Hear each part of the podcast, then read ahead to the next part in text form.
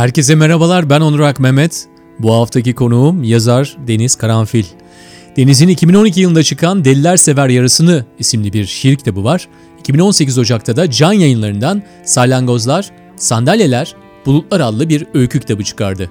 Deniz 1986'da Zile'de doğuyor. İlk ortaokulu Tokat'ta Zile ile Turhal arası Karşıpınar köyünde okuyor. Sonra liseyi Zile'de bitiriyor. 19 Mayıs Üniversitesi'nde Türkçe öğretmenliği bölümünden sonra İstanbul'da yeni dergicilik akımının başından beri yer alıyor. Aynı zamanda kitap evlerinde çalışıyor. Konuşmamıza kitabındaki bir öyküden girdik. İstiklal Caddesi'nin üzerinde bir yıkık çeşme ve civarında bir an için karşılaşan karakterler. Torbası elinde dolaşan Selami, şişman dilenci kadın ve diğerleri. Buyurun dinlemeye diyorum. Ee, hikayelerinden bir tanesi de A Camii'nin orada geçiyor Evet, mesela. evet. Ee, sorulmayacak olanı ilk başta sorayım. Ee, gerçekle bir alakası var mı? Yani e, herhangi bir hikayende gerçekten de sen o duvara oturup onları müşahede etmiş oluyor musun?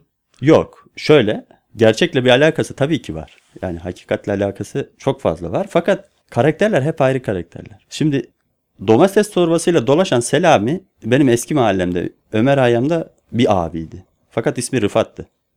Ee, o öyleydi. Biraz o tarz bir insandı. Çok sakin birisiydi fakat kriz geldiğinde artık nedir krizi bilmiyorum ama böyle şeyler yapardı. Sonra aileden birileri onu toparlayıp evine götürürdü. Ee, şişman dilenci kadını illaki İstiklal Caddesi'nde 2-3 ay takılan birisi görmüştür o kadını. O da mesela genelde Galatasaray taraflarında oluyor. O yıkık çeşmenin oradaki çöp yığını olayı da alelade zaten anlatılması gereken bir durum. Yani, yani İstanbul ne kadar güzel diye sorduklarında e, şeyden e, Galata Köprüsü'nden tarihi yarımadaya doğru bir fotoğraf çekersin. Bu kadar güzel dersin. Ama İstanbul ne kadar çirkin diye sorsalar o va- vaziyeti, o rezaleti göstermek isterim ben. Yani tarihi bir çeşme var. İşte yan taraftaki apartmanlar zaten hani başka bir nedenle mahvedilmiş. Yani mahvolmuşluğun tam orta yeri orası. Ve hayatı yolunda gitmeyen insanları oraya toplamak biraz da dert. Hakikatle alakası var ama tabii ki kurgu. Yani orada toplandı aslında hepsi. Hepsi bir araya geldiler orada ve herkes bir biçimiyle de hesaplaştı da orada kendisiyle. Ya da işte o şehirle ilgili sıkıntıyla. Ee, öykülerinde e, şehir teması çok var. Ee, ya okuyan seni tanımayan birisi İstanbul'da büyüdüğünü zanneder ama sen Turhal'da büyüdün. Değil mi? Doğru mu? Turhal Zile arasında. Turhal Zehir arasında bir nahiyede mi bir yani, İlçe, köy. Hatta köy. Ama öykülerin bir kısmında da köy hikayesi vardır. Ya vardı yani. Ee, mesela işte Bulut öyküsü. Ee, ama şeyle alakalı ya. Şehir kaynak. Gözlüyorsun. Her türden insanla karşılaşma şansı. Bu şaşırabilmen için de bir şans. Yani şaşırıyorsun bazen. Sonra izledikçe artık önemsemiyorsun ama bir yazar önemser. Yani yazar önemser fakat hani alelade dolaşan birisi oradaki mesela o hengameyi görse rahatsız olur. Bu ne der? Kaçar. Hani o e, salyangoz öyküsündeki kavga hırgürü. Ama ben gözlemeyi seviyorum. İzlemek hoşuma gidiyor. E, güzel yani. E, şey gibi. Keyif alıyorum. Özellikle diyalog yazmak konusunda şeyim. E, Bir mesela çok e, şey değilimdir. Diya- öyküde diyalog yazmayı sevmiyorum. Öyküde diyalog yazmak bana yine hani benim açımdan çok hoş gelmiyor. Çünkü neredeyse bütün diyaloglar öyküde yazılan, öykülerde yazılan çok büyük yazarlar da dahil olmak üzere. Yani Orhan Kemal diyalogları çok mükemmel diyaloglardır ama o bile bana böyle biraz yapay gelir. Durumu gözlem ve e, betimlemeyle anlatmak zaten konuşmayı okuyan kişinin zihninde canlandırması demek yani diyalog nasıl geçiyor onu canlandırması demek. O yüzden taşrada büyüyüp şehri izlemek evet biraz şey olabilir. Ee, hani bir şehirli gibi mi görmüşüm ben? Sana öyle gelmiş herhalde ama ben daha çok bir şehirliden ziyade bir taşralı gözüyle bakıyorum hala. Hala öyle bir durum var yani. Bir cümle aklıma geliyor şu anda. Diyordu ki cümle, tabii kendi sözcüklerimle söyleyeceğim. Mutlu olmanın tadını biliyorum.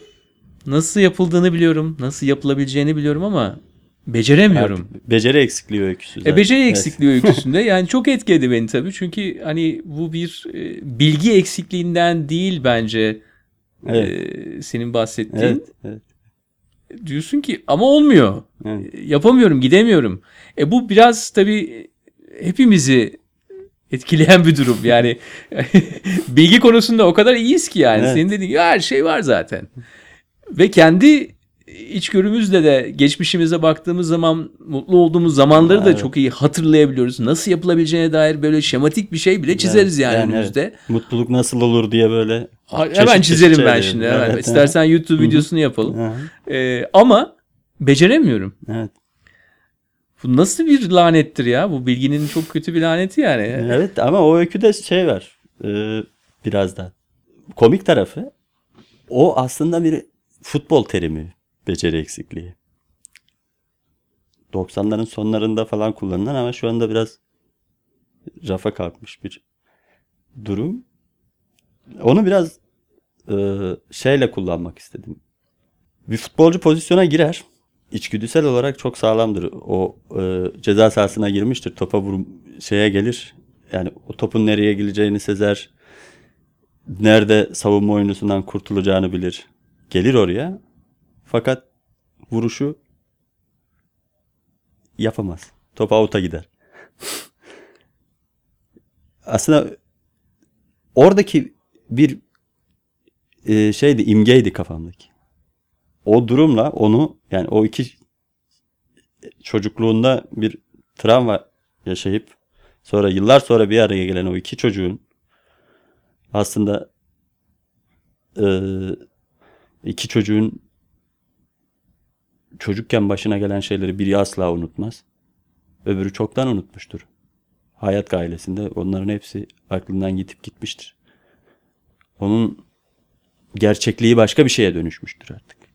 Peki bu bunu olduğu zaman yazabilmek de bir e, hem bir yeti aynı zamanda bir alışkanlık. Sende Tabii. öyle bir şey var mıydı çocukken? E, yazar mıydın? Evet. ya Sana şöyle- olanları mesela hatırlıyor musun? Yazdığın bir durum hatırlıyor musun yani? Yok yazmak değil ama ben çok kendimle konuşurdum. Böyle olaylar sonrası mı konuşuyordun? Tabii, yani- Bir örnek verebilir misin mesela? Ya mesela çok basit bir örnek vereyim. Ee, hani bir genel bir örnek vereyim. Mesela hani böyle utanç duyduğun, utanılası bir şey yaptığın, kalabalık tarafından böyle gülünç hale düştüğün anda ne yaparsın? Koşmaya başlarsın. Ya da uzaklaşmaya, hızlı hızlı oradan uzaklaşmaya başlarsın. Ya mesela okuldasın altına işemişsin, Aha. herkes görmesin, hemen Evet, kaçarsın. uzaklaşırsın. Uzaklaşırken de sürekli bir şeyler söylersin.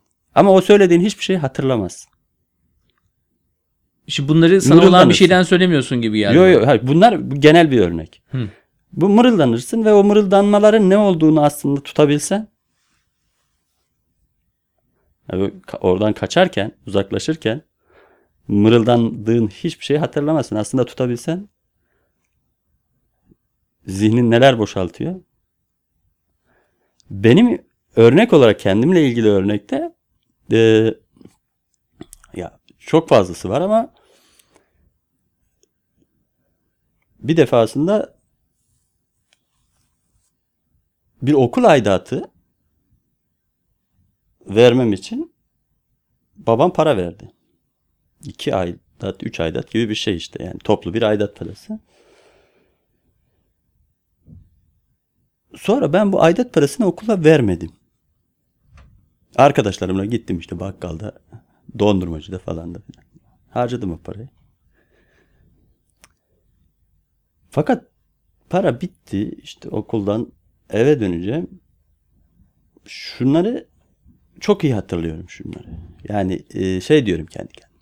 Ya diyorum bu mesele ortaya çıkacak. Çünkü okula aidat ödemediğim birkaç yani bir ay sonra babama haber verilecek. Bu parayı ne yaptığım da sorulacak.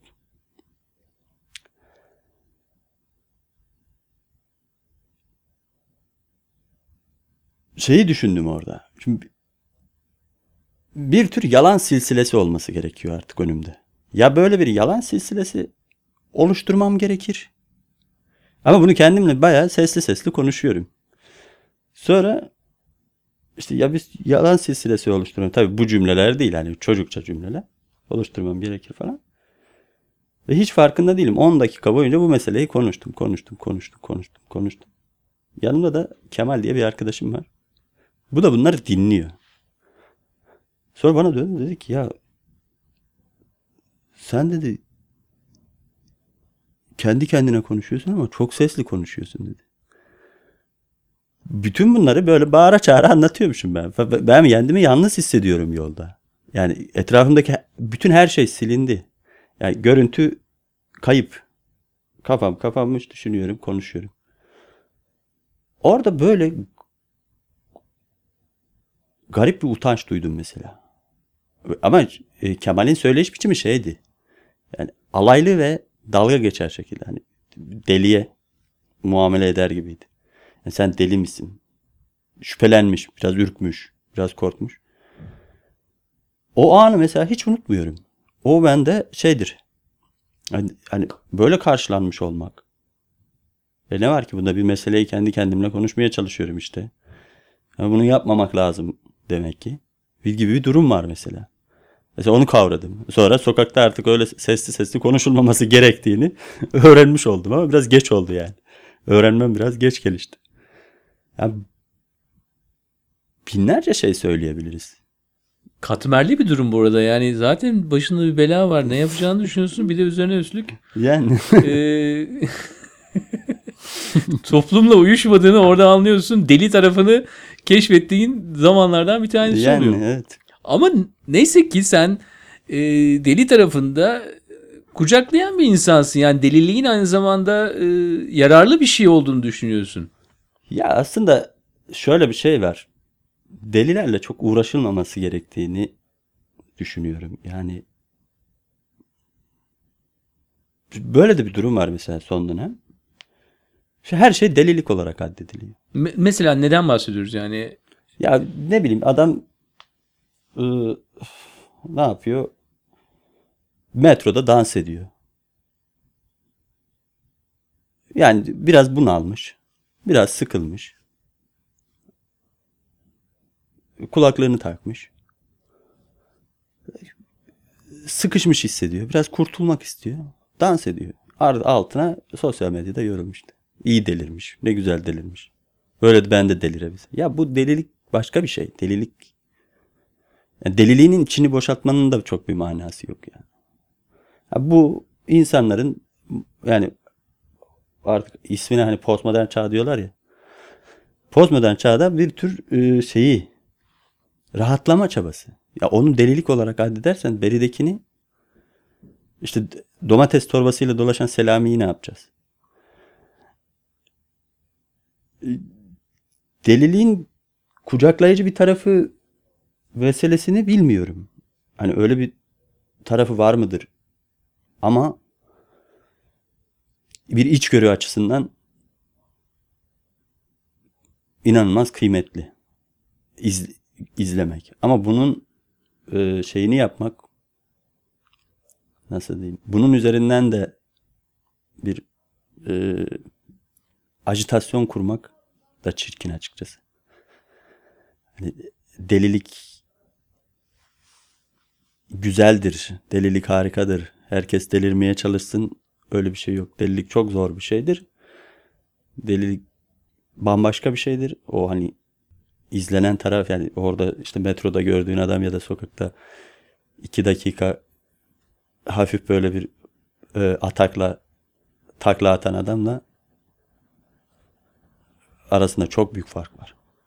Şimdi bunu buna bunu bana biraz bir Anadolu bilgeliğiyle söylüyorsun. Yani mecralaştırmayın şu deliliği veya Evet, ticarileştirmeyin evet, çünkü evet, çok da daha bu. derin bir şeyden bahsediyorsun. Derin bir şeyden bahsediyoruz ve çok da e, deşilmemesi gereken bir şeyden bahsediyoruz. Onunla beraber yaşayabilirsin. Ona dahil olmaya da çalışabilirsin. Fakat bunu bir mecra haline getirmek çirkin geliyor bana yani. Hani çok e, aklı başında bir şey gibi gelmiyor. Doğduğun büyüdüğün yerlerde e, Alevi geneliğiyle haşır neşir miydin? Ya benim aslında şöyle bir durumum var. Alevi geleneğiyle tabii ki haşır neşirim. Aleviyim fakat onun ötesinde çok da merakım var. Yani her türlü e, mite aynı zamanda şey hani kendimce etimolojiyle uğraşan birisiyim. Etimolojiyle uğraştığımda da e, o etimolojinin devamında zaten arkeolojik bir sosyal kazı yapıyorsun. O sosyal kazıda sürekli bir mite gidiyorsun. Çünkü her sözcüğün kendi içinde barındırdığı bir mit de var. Bir sözcük ortaya çıkarken öyle kolay çıkmıyor. Yani ba- bayağı bir, bir mit gerekiyor arkasında. Sözcüğün ortaya çıkması için bir mit gerekiyor. E, tabii. Ee, ve o sözcükle uğraşırken şeye gidiyorsun. Orada bir kültüre varıyorsun. O kültüre vardığın noktada bir kıyas çıkıyor ortaya. Aa diyorsun bak ben bunu şeyde de görmüştüm. Örnek veriyorum işte Süryanilerde de var bu. Sonra aynı sözcüğü Süryanilerde nasıl kullanmışlar diye bakıyorsun. Sonra o ağ genişlemeye başlıyor. O Alevilik meselesinde de o açık seküler taraf kültürü yani gördüğü her kültürü bir parça içine almak. Kendini çünkü üstün görmüyor. Üstün görememiş daha doğrusu. Hani görse belki de başka bir ortodoksi yaratabilirdi. Ortodoksi yaratamadığı için gördüğü her kültürü içeri almış. Her şeyden bir şey barındırıyor. Yani 2019 yılında şeyde Alevilerin geleneğinde şamanizmden tut Zerdüştlükten işte Farsların Şiasından Arap e, ehli beytinden her şeyden bir parça bulursun. Her şey iç içe geçmiş. O da öyle bir ahenk oluşturuyor. E, Biraz da besleniyorsun. Yani şey görmeye başlıyorsun. Geniş bakmaya başlıyorsun çocukluktan. O bana kattığı en önemli şeylerden birisi odur. Yani birini ötekileştirme meselesi bana zor gelir mesela. Mesela şaşırtır beni. Şaşırtmıştı da ilk gördüğümde. Ya adam çok rahat bir başkasını ötekileştirebiliyor ve bunda çok rahat yani. Çünkü kendisi Ortodoks işte Türk, Sünni, Müslüman. Yeri belli. Onun dışındaki herkes dışarıda zaten. Çizgisini çekiyor. Bu işte Kürt, Perik Alevi, öbürü trans, Berike eşcinsel. Hop sen git, sen gel. Yani ama ben, ben mesela bunu imkansız yapamam yani. ben de başka bir yerden bakıyorum çünkü. Bana kattığı şey o. Şimdi yine dönersek delilik meselesine hani bu kadar mecralaştırılmaması gerektiği konusunda ısrar etmemin nedeni. Alacağım bir şey var çünkü. Yaşamsal anlamda bir kaynak. Herkes bir kaynak. Onu ajite edip şey üzerinden ona oynamak, prim oluşturmak çirkin. O ben, bende yarattığı Alevilik kültürünün. O Anadolu bilgeliği dediğin şey belki ha, o olabilir. Yoksa bilmiyorum yani. Hani Anadolu'yla da çok da aram iyi değil açıkçası. Anadolu'yla da problemlerim var ya. Peki bunun olma şekli e, dinlediğin e, öykülerde oluyor mu veya anlatılan hikayeler hani e, şey bayağı de- dedin ya değişik yörelerden sızmalar olduğu için hem Tabii bu tabii yani şimdi mesela ben çocuklukta e, bu Davut Golyat hikayesini yüz farklı şekilde dinlemişimdir. İşte Ali ile Büyük Dev, işte Zaloğlu Rüstem'le bilmem nesi. Ya aslında bütün hikaye e, Davut Golyat hikayesi. Ama o kadar çok en işte iki oba bir araya gelmiş Türkmen Obası, Türkmen Kızılbaş Obası. Onlar da geliştirmişler bir Davut Golyat hikayesi. Ama onlarınki işte o köyün ileri geleni işte bilmem Hasan Çavuş'la dağda bir tane tek gözlü tepe göz. Yüz defa dinliyorsun. Ama hikaye zaten hikayeyi dinliyorsun fakat diyorum ya hikayede önemli olan konu değil. Konu belli. Fakat o anlatırken sana bir bir noktada bir cümle kuruyor. Bir nüans veriyor sana. Ve o senin öykü dünyanı da bakış açını da değiştiriyor. senin için öyle bir insan var mı dedelerden biri mi? Ee, tabii tabii yani benim dedem zaten başlı başına bir şeydir. Külliyattır yani. Ee, müthiş böyle sürekli atasözü söyleyen. Hiç hayatında aklına hayaline gelmeyecek şeyleri kendince biriktirmiş. Birisi annemin babası. Ee, sürekli atasözü kendisi atasözü kendi söylediği böyle artık atasözüne dönüşür. Yani hiç, bazen söylerim ben arkadaş arasında komik bulunur yani. Tuhaf tuhaf cümleleri vardır bazı durumlara. Mesela hani bir cümlesi vardı. Çok hayran kalmıştım. Bir yere davet edilmemişsindir. Kimse seni çağırmamıştır. Fakat sen oraya gidersin böyle. Gayet oranın en e, önemli kişisiymiş gibi işte yerleşecek koltuk sorarsın ne bileyim işte. Yani yerleşecek. Ona şöyle bir cümle kurardı dedem. Ee, Hana dükkana sokan yok ben yayımı okumu nereye asayım? yani böyle adamın yani literatürde görmeyeceğin atasözleri vardı. E, bu da besliyor. Şimdi onu anlamaya çalışırken bir hikaye uydurmak zorundasın etrafında. Çünkü cümleyi ilk söylendiğinde anlamıyorsun.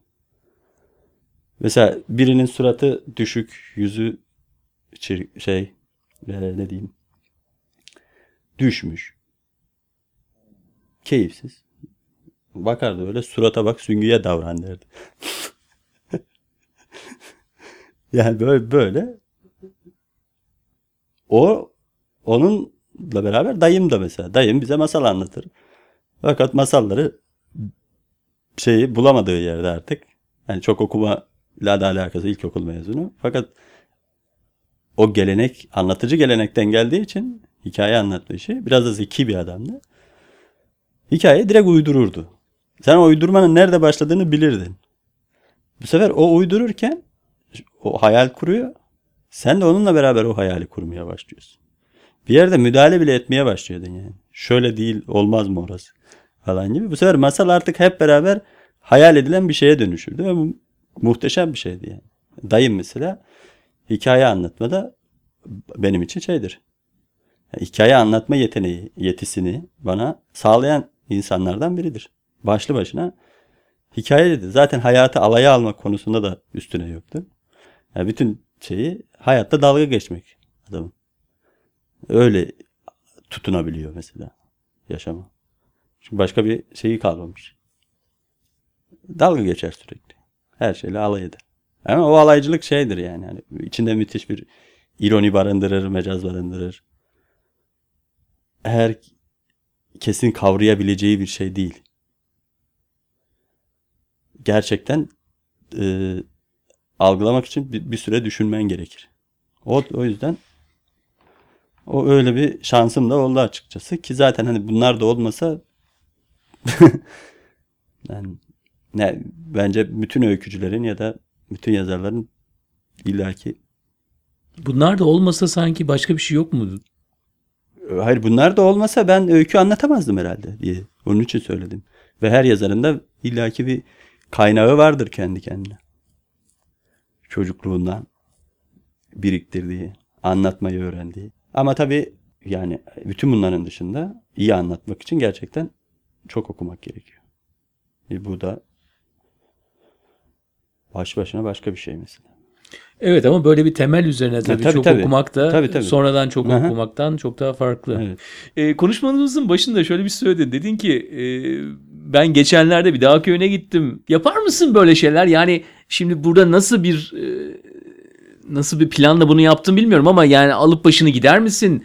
E, Bilmediğin şehirde dolaşır mısın? Bir hani biraz Evet. tabii hafif biz de yazar aklına girmeye çalışıyoruz burada. E, yazar aklına demeyeyim, denizin aklına girmeye çalışıyoruz. Acaba deniz gider mi böyle uzak Evet, yerlere? Seviyorum evet. Yani kamptır, kalmaktır. Yalnız olursam gayet keyifli oluyor. Yani kalabalık kalabalıktan kastım da yani 3 kişiden fazla olunca çok hoşlandığım bir şey değil.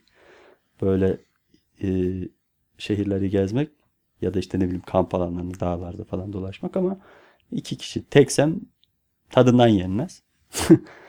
Öyle seviyorum yani. E, bir de şöyle de bir e, hoş tarafı var. Ha, orada bir gözlem alanı. Kaplumbağa izliyorsun, yılanı izliyorsun. O, oradaki tavır, davranış, haller çok ilginç. Yani bana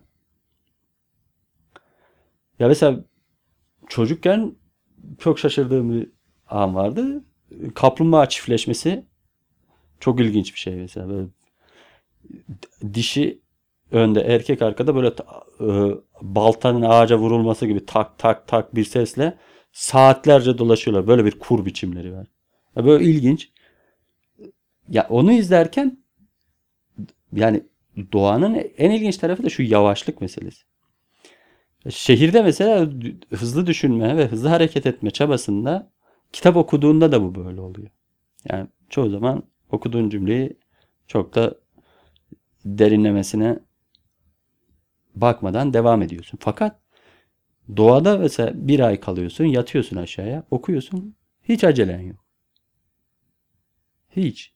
Ya mesela Eko'nun Antik Yunan'ını okudum ben. Bir ay falan köyde kaldım. Hiç acele etmeden böyle o Antik Yunan'daki işte felsefedir, müziktir, edebiyat anlayışıdır.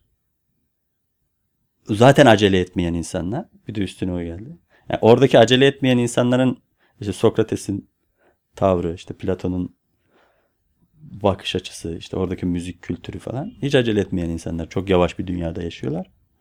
Üstüne üstlük ben de çok yavaş bir şekilde okuduğum için son zamanlarda okuduğum okuyup böyle özümsediğim kitaplardan biriydi yani. Hiç o kadar bir kitabı mesela şehirde illaki acele etmek zorundasın. İllaki bir şeyin var. Çaban var ve o e, yapacağın her işi böyle üstün körü yapmaya götürüyor insanı. Peki köyde ne değişiklik var? Yani 2019 diyoruz hep işte tamam yeni yıl. Ee, sen de tabii hani doğup büyüdüğün, e, aşina olduğun yerlere de devamlı gidebilen bir insansın. Yani Evet. bir ay kalabilmek Hı hı. bayağı güzel bir şey. Evet. Ee, bu da bir gözlem. Ee, ne görüyorsun? Orada değişiklik var mı? Oradaki insanlar da durmadan acele etmişler hep hayatları boyunca çünkü emekli olup geri dönmüşler ya. Köyde öyle bir durum var. Yaşlılar var genelde. Şehirden dönmüşler. Onların da böyle yavaşlığa adaptasyonunu izliyorsun bir taraftan. Öyle bir telaş da var köyde. Komik bir telaş mesela. Adam 30 yıl İstanbul'da çalışmış, emekli olmuş, köyüne dönmüş. İlk başlarda böyle bir acele ediyor. Sonra bakıyor köyde yavaş oluyor bu işte. O da yavaşlamaya başlıyor. Tempo düşüyor. Öyle de bir komikliği var yani. Tekrar ilk olduğu haline geri dönüyor. Hmm. Ya 30 yılın ardından şey gibi işte koşmuş, yorulmuş, bayağı acele etmiş ama sonra gerisin geri dönmüş ve yavaş yavaş hareket ediyor artık. Bir acelesi yok, bir telaşı yok. Metrobüse yani 40 kuruşluk ak- aktarmaya 80 metre depar atmıyor ya. Akbil'de. Yani o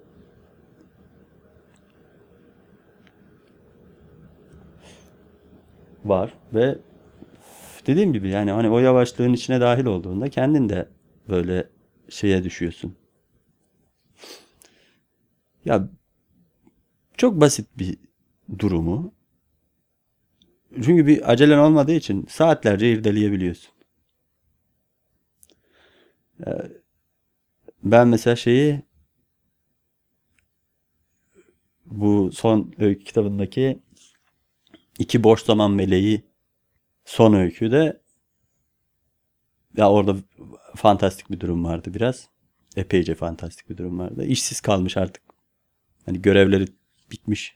Ne yapacağını şaşırmış. İki melek. İki melek önceden bekledikleri biri zamanı ve biri uzamı bekleyen iki melek artık oraya kurulmuş o orman yok olduktan sonra zaman onların beklediği zaman değil, mekan onların beklediği mekan değil. İş artık onların işi değil. O tepeden oradaki zamanı ve mekanı izliyorlar ve kendileriyle hesaplaşıyorlar. Oraya dönmek biraz öyle bir durum aslında. Şehir hayatında da bazı günler öyle geçiyor. Yani sistemin dışına çıkıyorsun. Ya böyle hasta oluyorsun. Çıkmak zorunda kalıyorsun. Ne bileyim o gün uyanma hmm. şeklinle alakalı hmm. oluyor ama e, bir çıktığın zaman da bir etrafa baktığın zaman senin dışından baktığın zaman müthiş ya bir şey yani millet gidip işte yani Hindistan'a gidip de yapabilirsin bunu ama Hı-hı. kendi şehrinde evet. kendi bulunduğun yerde bunu yapabilmek de bir işte bu yeti de biraz insan için önemli bir yeti ya. Dışarıdan bakmak. Yani kendi hayatını dışarıdan görmek. Ya da bir ilişki yaşıyorsun. Değil mi? Bir ilişkin var ve ilişkin çok berbat. Fakat farkında değilsin. Adapte olmuşsun. Sonra bir gün geliyor. Bir an dışarıdan bir bakıyorsun. Çok berbat bir insanla çok berbat bir ilişkin içindesin. Ve of onu fark ettiğin anda zaten ya onu inkar etmek zorundasın. Ki genelde öyle yapıyoruz. İnkar edip rutinine devam etmek zorundasın. Ya da sor, sorumluluğunu alman gerekiyor. Yani sorumluluk almak da çok kolay değil. O yüzden hani dışarıdan bakmak biraz da yine sorun yaratabiliyor. Yani çok içinde kalmak şehir hayatında özellikle içinde kalmak akışın içinde devam etmek dahil olmak iyi gibi duruyor en azından hayatta kalmak için. En azından hayatta kalmak için. Yani bütün derdimiz de o zaten en azından hayatta kalmak. Çünkü dışarıda dışarıdan bakıp da aldığım bilgiler sonra başını ağrıtabilir. Evet. Ee, belki de o hikayendeki o biliyorum ama yapamıyorum. Evet. Oydu. Mutluluk evet, biraz. Evet, evet. Tam olarak da bu yani. Hani evet. Yani gördüm. Bunu daha önceden de tecrübe de ettim. Ama yani beceremiyorum. Tam olarak o evet. 2019'da yeni öykü kitabını bekliyoruz. Teşekkür ederiz Deniz. Sağ olun. Ben teşekkür ederim.